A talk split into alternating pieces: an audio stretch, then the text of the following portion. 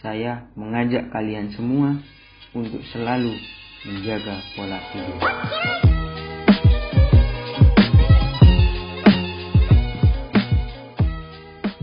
Assalamualaikum warahmatullahi wabarakatuh. Puji syukur kehadirat Allah Subhanahu wa taala yang telah memberikan kekuatan dan kesehatan kepada kita semua. Salawat serta salam Semoga terlimpahkan pada Nabi besar Muhammad Sallallahu Alaihi Wasallam. Pada kesempatan kali ini, saya akan membahas mengenai pentingnya menjaga pola tidur.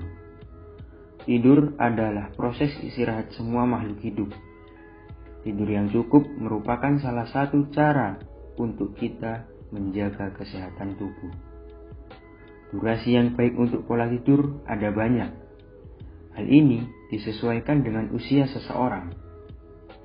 Seseorang yang baru lahir memiliki waktu tidur lebih banyak daripada orang lansia. Jadi, semakin muda seseorang, maka memiliki waktu untuk tidur lebih banyak. Sebaliknya, semakin tua seseorang, maka waktu tidur yang dimiliki pun semakin sedikit. Tidur bisa mempengaruhi kesehatan seseorang. Tidur terlalu sebentar dan tidur terlalu lama. Keduanya sama-sama tidak baik untuk kesehatan. Maka dari itu, tidur yang cukup sangat penting untuk kesehatan tubuh. Ada beberapa manfaat yang dinikmati jika kita melakukan pola tidur yang baik. Di antaranya adalah bisa menguatkan imun tubuh, meningkatkan produktivitas, meningkatkan mood, menjaga kesehatan mental, dan masih banyak lagi.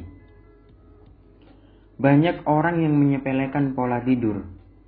Hal ini karena masih banyak orang begadang untuk melakukan aktivitasnya masing-masing.